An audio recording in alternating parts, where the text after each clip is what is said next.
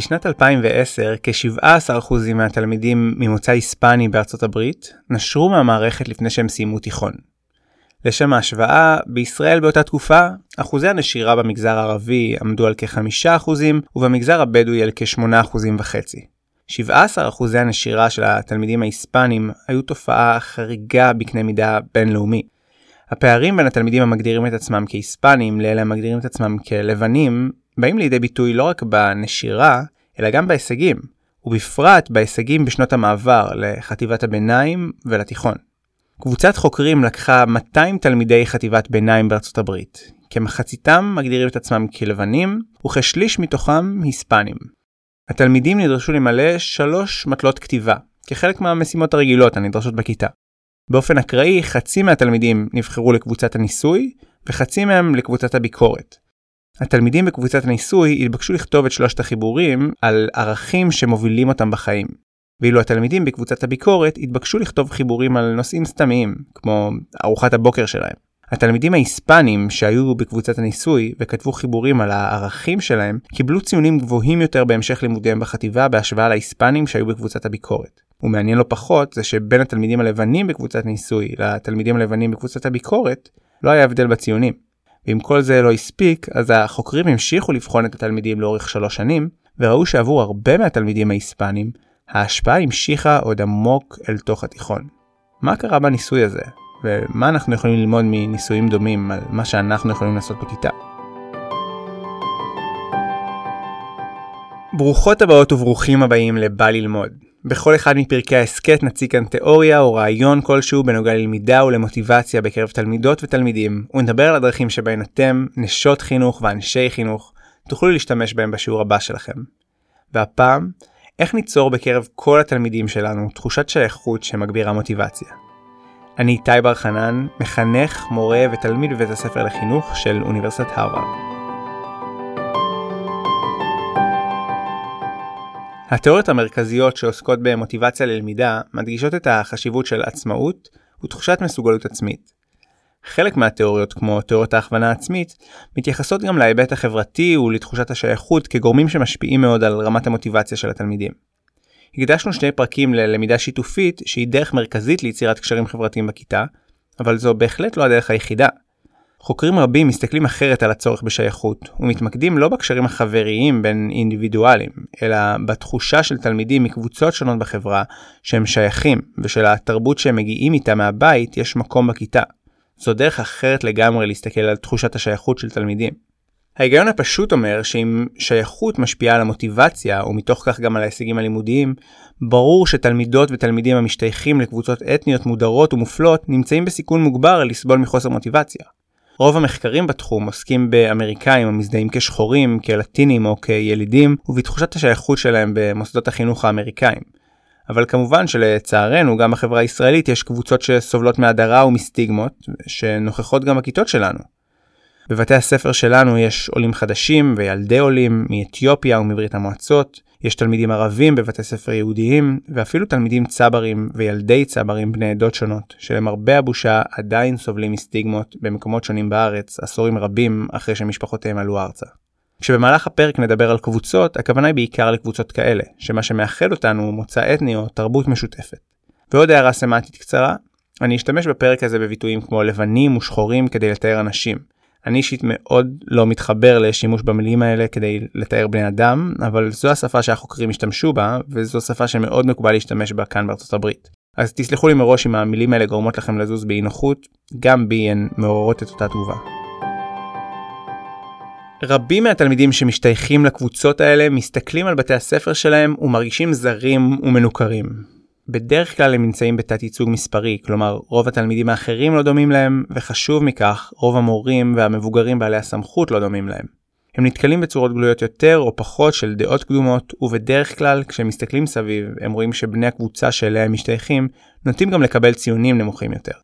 כשהם מסתכלים על הקבוצות הדומיננטיות, הם רואים אנשים בעלי הון חברתי גדול יותר, והם עלולים להסיק את המסקנה שהדרך להיות בצד החזק, במרכאות כפולות, היא לטשטש בכל דרך את הזהות הייחודית שלהם. כל הגורמים האלה יוצרים אי ודאות לגבי מידת השייכות, ובמקרים רבים התחושה הזאת עלולה להתגלגל למסקנה כללית שאומרת, אנשים כמוני לא שייכים לכאן. החל משנות ה-90 של המאה הקודמת התפתח המחקר סביב מה שמכונה איום הסטריאוטיפ, או Stereotype Threat, וההשפעה שלו על הצלחה בלימודים. חוקרים שונים, ובראשם קלוד סטיל מאוניברסיטת סטנפורד, הוכיחו שהפחד לאשש סטריאוטיפ שלילי לגבי האינטליגנציה של הקבוצה שאליה אני משתייך, נוטה לפגוע בביצועים האקדמיים שלי. במילים פשוטות, נניח שאני כיהודי שלומד בין לא יהודים הייתי יודע שיש סטיגמה על יהודים שהם לא חכמים או פחות מוצלחים מבחינה אקדמית מאשר לא יהודים, הידיעה הזאת הייתה גורמת לי לחשוש מזה שאנשים שסביבי יסתכלו עליי ויחשבו שהסטריאוטיפ שיש להם על יהודים נכון גם במקרה שלי. עצם האיום שטמון בסטריאוטיפ היה גורם לי להצליח פחות מבחינה אקדמית. בנוסף לפגיעה בהישגים הלימודיים, מי שסובל מאיום סטריאוטיפ עשוי לצפות להידחות מבחינה חברתית בגלל ההשתייכות שלו לקבוצה מסוימת. החששות האלה מגבירים את אי הוודאות של התלמיד לגבי סיכויי ההשתלבות שלו בבית הספר. בשנים האחרונות נעשו עשרות ואולי מאות ניסויים שהראו כיצד חוסר השייכות מערער את המוטיבציה וההישגים של התלמידים מקבוצות מודרות, וחלק לא קטן מהניסויים האלה ניסה למצוא דרכים למזער את ההשפעה של איום הסטריאוטיפ. לפני שנצלול לתוך כמה מהמחקרים המעניינים ביותר שנעשו בנושא, בואו ניקח דקה ונחשוב על התלמידים שלנו. נסו לחשוב על התלמידים שלכם שהם משתייכים לקבוצות שיש לגביהן סטריאוטיפ ועל מידת המוטיבציה שלהם להצליח בלימודים. קחו לכם דקה.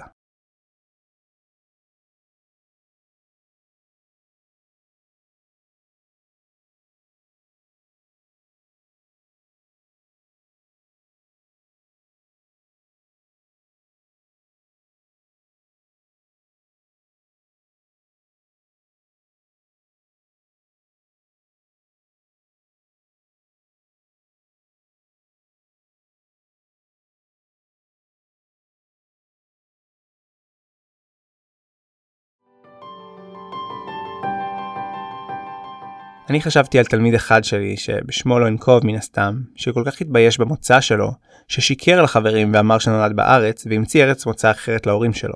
באופן לא מפתיע, הוא היה אחד מהתלמידים עם המוטיבציה הכי נמוכה שפגשתי. אז כשנתאר עכשיו את הניסויים השונים, נסו לחשוב על התלמידה או התלמיד שלכם, ואיך הניסויים האלה יכלו להשפיע עליהם. הניסוי הראשון הוא מאוד מעניין והוא יכול ללמד אותנו על הנזק שעלול להיגרם מזה שתלמיד יחשוב שלקבוצה שאליה הוא משתייך אין מקום בבית הספר.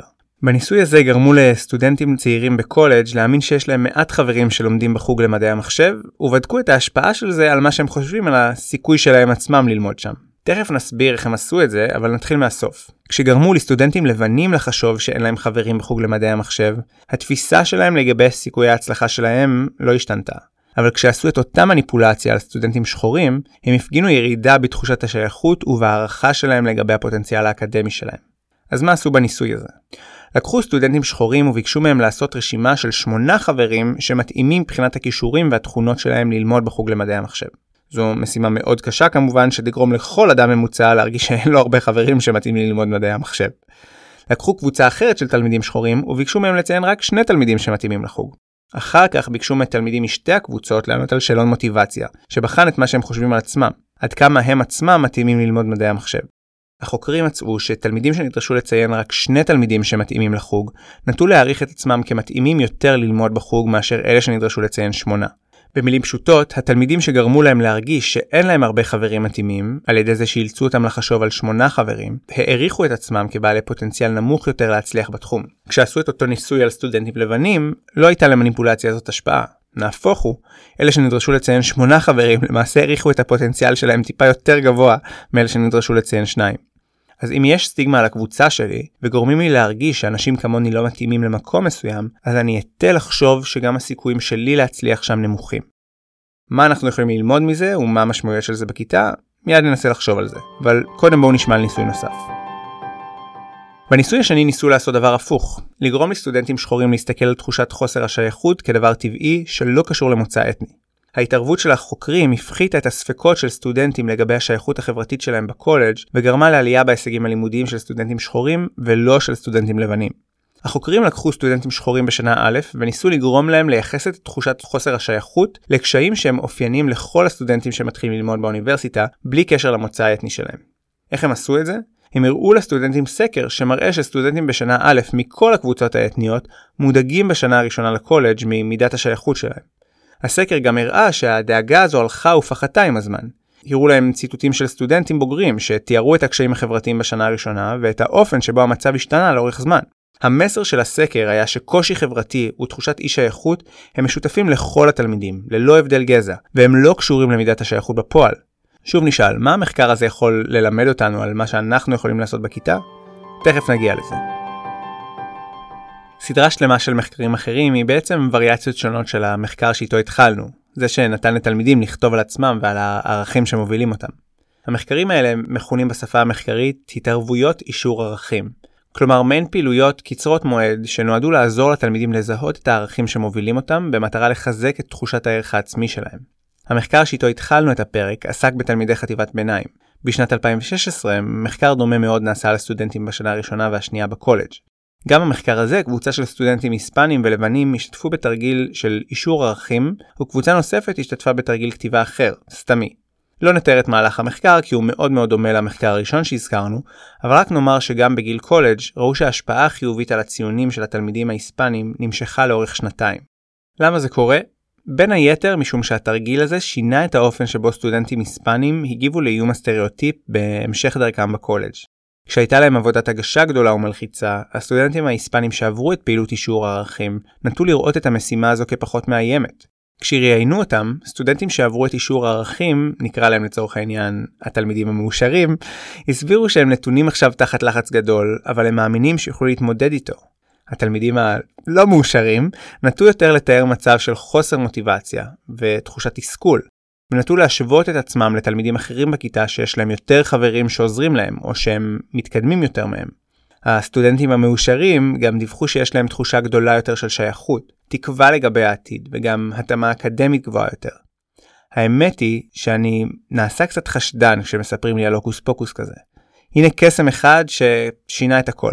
אם אלה לא היו כמה מהחוקרים הכי גדולים בתחום הפסיכולוגיה החינוכית שערכו את המחקרים האלה, אני לא בטוח שבכלל הייתי מתייחס לזה ברצינות. אבל בהנחה שהמחקרים האלה אכן משקפים תופעות אמיתיות, ושאם נעזור לתלמידים מקבוצות מודרות לפתח דימוי עצמי יציב יותר, שפחות מושפע מהסטריאוטיפים שיש לאנשים לגבי הקבוצות שלהם, ועם פעולות פשוטות יחסית בכיתה יכולות לחזק את תחושת השייכות שלהם, אז כדאי שנחשוב מה אנחנו כמורות וכמורים יכולים לעשות בכיתה. אז הנה כמה רעיונות לדברים שאנחנו יכולות ויכולים לעשות בכיתה כדי לצמצם את איום הסטריאוטיפ על התלמידים שלנו ולחזק את תחושת השייכות שלהם. אחת הדרכים שחוזרות על עצמם במחקרים השונים היא לעודד את הילדים להגדיר את הערכים שמובילים אותם בחיים. תהליך שקראנו לו קודם אישור ערכים. התהליך הזה אמור לעזור לתלמידים לגבש את התפיסה העצמית שלהם ולהבין מי הם, ככה שבפעם הבאה שמישהו יאמר להם משהו שיעליב אותם, מישהו יגרום להם להרגיש טיפשים, או שיגרמו להם להרגיש שהם לא מסוגלים, או לא שייכים, זה לא יערער את הערך העצמי שלהם. הם ידעו מי הם, ומה הם שווים. משימות כתיבה הן הדרך הנפוצה לעשות את זה, ובחלק מהניסויים השתמשו ביומן אישי, זה יכול להיות במסגרת שיעור שפה או בכיתות הגבוהות זה יכול להיות גם בשיעור אנגלית. ככל שהתלמידים צעירים יותר או ככל שהם מנוסים פחות בלהמליל את הרגשות והמחשבות שלהם, אפשר לסייע להם על ידי פיגומים רבים יותר. למשל אפשר לתת להם לבחור את שלושת הערכים המרכזיים שלהם מתוך רשימה של 20 ערכים נניח. התובנה השנייה שנובעת מהניסויים שתיארנו היא שחשוב לנרמל קשיי הסתגלות ותחושת חוסר שייכות. אני זוכר את עצמי במעבר לחטיבת הביניים כתלמיד בכיתה ז' שמרגיש בודד ולא שייך. וכשמישהו נזכר לומר לי שזו תחושה טבעית שרוב הילדים שסביבי שותפים לה, ושזה ילך וישתפר עם הזמן, הוא שינה לחלוטין את התחושות שלי. זה לא שפתאום הרגשתי שייך, אבל הידיעה שזה מצב נורמלי ובר חלוף, נסחה בי הרבה הרבה ביטחון ותקווה. הקושי שאני חוויתי יכול היה להיות גדול פי כמה אם הייתי חושב שיש סטיגמות על קבוצה שאני שייך אליה. אנחנו יכולים לנרמל את חוסר השייכות הזה בהרבה הרבה דרכים שונות, וחשוב במיוחד לעשות את זה בשנות המעברים, לחטיבת הביניים ולתיכון. אנחנו יכולים לומר את זה לתלמידים שלנו בעצמנו, שהתחושות שלהם הן נפוצות ורווחות מאוד, אבל אנחנו יכולים גם פשוט להראות להם הוכחות שהתחושות שלהם הן כמעט אוניברסליות.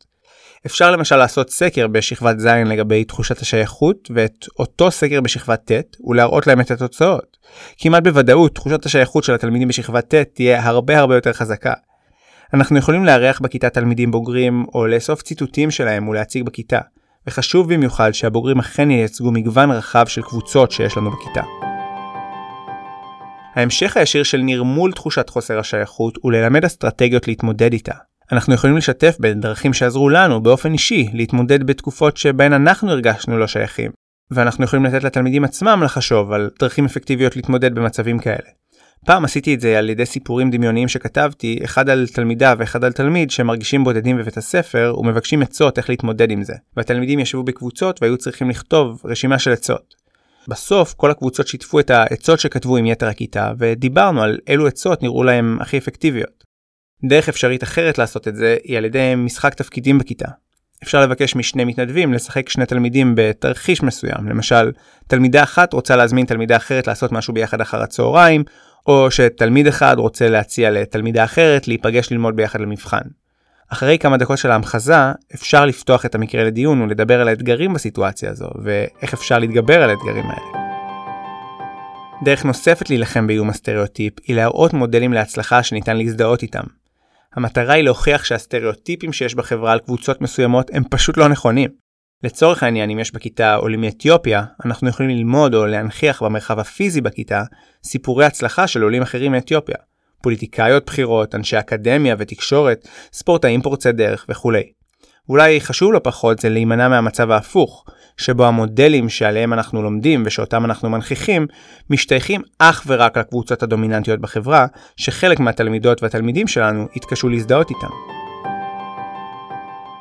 הדרך האחרונה שעליה נדבר היא בעצם תפיסה שלמה שאפשר היה להקדיש לה סדרה של פרקים, אבל נתאר אותה ממש על קצה המזלג.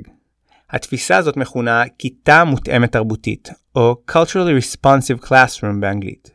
יש הרבה מאוד ספרות על התפיסה הזאת והמרכיבים השונים שלה, אבל בקצרה אפשר לומר שהתפיסה הזו מנסה לגרום לכל התלמידים להרגיש שלתרבות שממנה הם מגיעים, יש מקום בכיתה. כיתה מותאמת תרבותית מתאפיינת באקלים של אכפתיות, כבוד והערכה כלפי התרבויות השונות של התלמידים. השפות השונות שהם מביאים מהבית נתפסות כנכס ולא כנטל.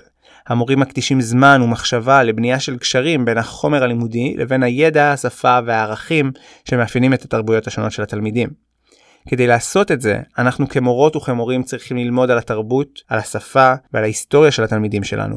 ואולי יותר מזה, מהתרבות, מהשפה ומההיסטוריה של התלמידים שלנו, כדי להפוך את ההוראה למשמעותית ורלוונטית יותר לחיים שלהם.